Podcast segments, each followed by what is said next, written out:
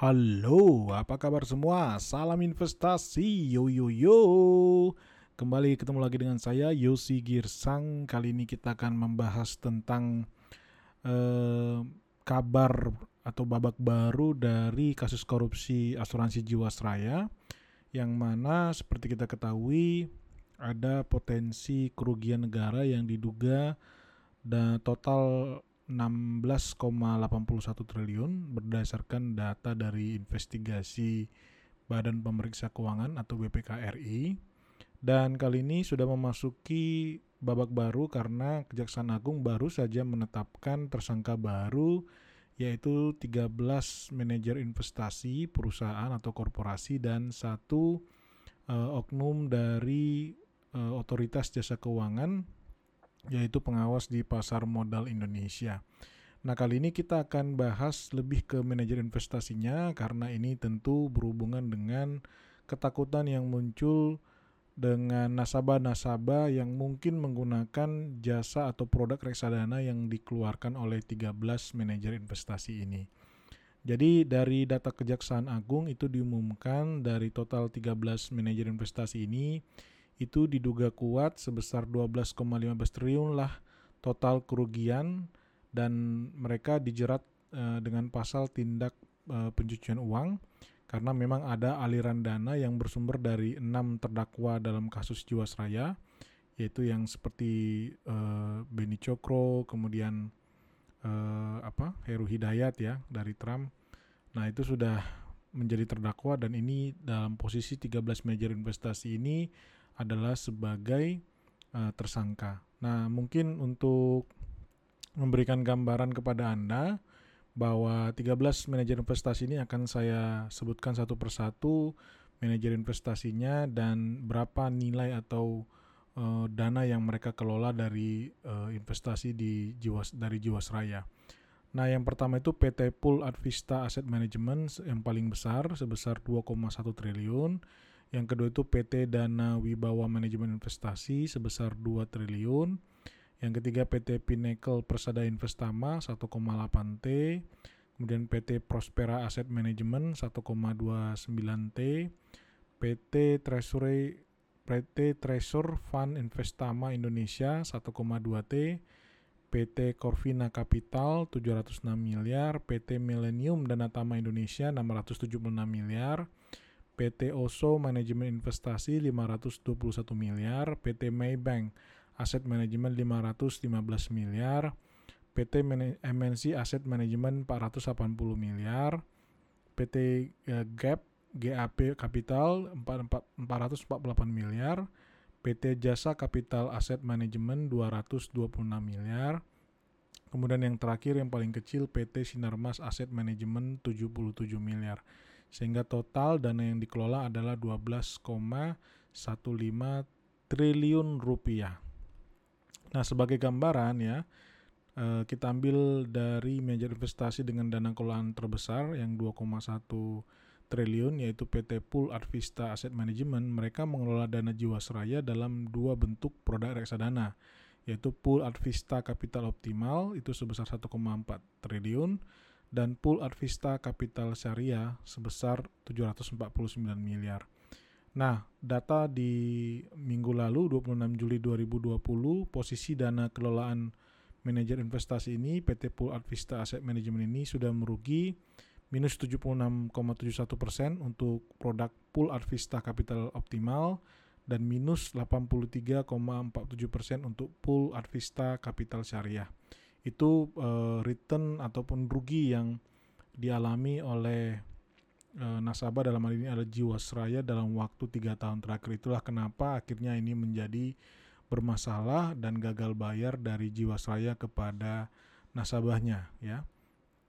Nah, sekarang pertanyaan adalah bagaimana seperti kita ketahui bahwa manajer investasi ini kan tidak hanya mengelola dana dari Jiwasraya Uh, perlu saya tekankan juga bahwa uh, seorang manajer investasi itu bisa mengeluarkan lebih dari 2, 3 bahkan puluhan produk reksadana dan itu uh, bisa jadi dia untuk uh, melayani ke satu perusahaan atau bisa juga ke publik umum masyarakat bisa membeli Uh, jadi begitu model dari bisnisnya gitu. Nah dalam kasus ini yang di uh, disangkakan oleh Kejaksaan Agung itu adalah khusus produk-produk manajer investasi ini yang melayani untuk dana jiwasraya. Jadi ini tidak untuk publik.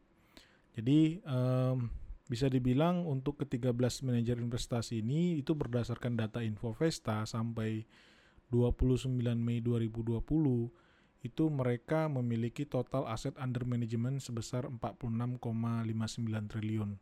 Nah, termasuklah di dalamnya yang 12,15 triliun. Jadi sebenarnya ada uh, uh, aset ataupun ada dana lain juga yang dikelola oleh masing-masing uh, manajer investasi ini.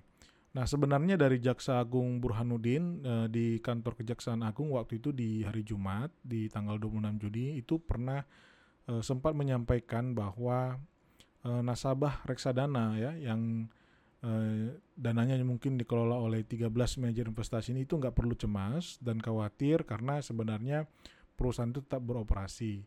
Jadi dalam hal ini penyidikan Kejaksaan Agung itu fokus kepada produk reksadana yang terlibat dalam aliran dana dari Jiwasraya. Nah, apa kemungkinan terburuk yang dapat terjadi pada ke-13 manajer investasi yang saat ini telah menjadi tersangka? Uh, estimasi kami atau asumsi kami adalah hal terburuk yang mungkin bisa jadi terjadi ketika nanti ternyata diputuskan bersalah e, bisa jadi adalah dicabut izin usaha.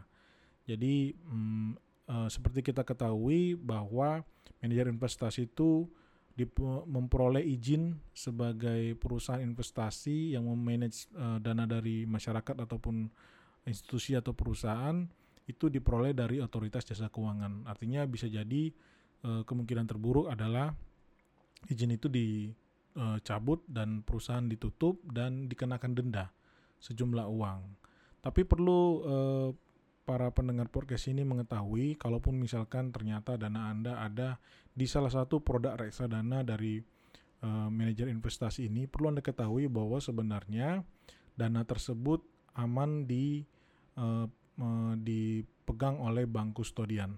Jadi artinya kalau misalkan nanti uh, terjadilah misalkan uh, asumsinya uh, di manajer investasi itu dicabut izinnya, maka otoritas jasa keuangan bisa memiliki wewenang untuk uh, menunjuk perusahaan manajer investasi lain untuk melanjutkan pengelolaan dana dari investor.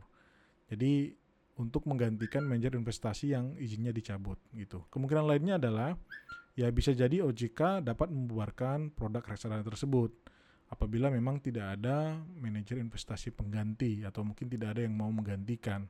Dan biasanya kalau seperti itu situasinya, maka OJK akan meminta kepada bank kustodian yang memegang dana nasabah untuk e, membayarkan dana hasil likuidasi. Jadi berapa sisanya itu dibagikan secara proporsional ke masing-masing investor. Itu paling lambat tujuh hari sejak bursa eh tujuh hari bursa sejak likuidasi selesai dilakukan. Jadi sebenarnya uh, dalam hal ini bisa dikatakan uh, investor uh, kalau memang dananya sedang dikelola oleh manajer investasi tidak perlu terlalu khawatir dan panik.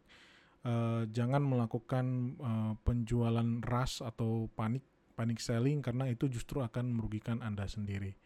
Ya memang buat manajer investasi ya secara seperti kita ketahui jumlah manajer investasi Indonesia kalau nggak salah jumlahnya sekitar 88 tentu ini adalah uh, pukulan yang uh, lumayan uh, berarti dalam artian message-nya di sini adalah uh, karena nilai setitik maka susuk sebe, uh, maka rusak susu sebelanga.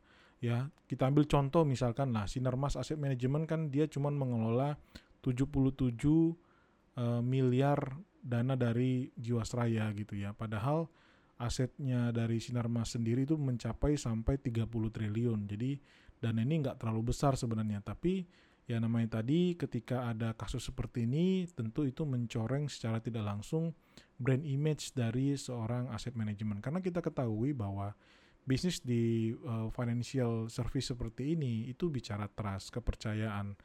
Jadi kalau misalkan nanti ternyata uh, masyarakat menilainya ini menjadi satu nilai negatif nah itu adalah memang tugas dari uh, manajer investasi itu untuk meyakinkan bahwa perusahaan berbenah ya gitu ya bahwa uh, perusahaan melakukan improvement-improvement untuk mencegah supaya hal-hal yang seperti ini juga tidak terjadi lagi.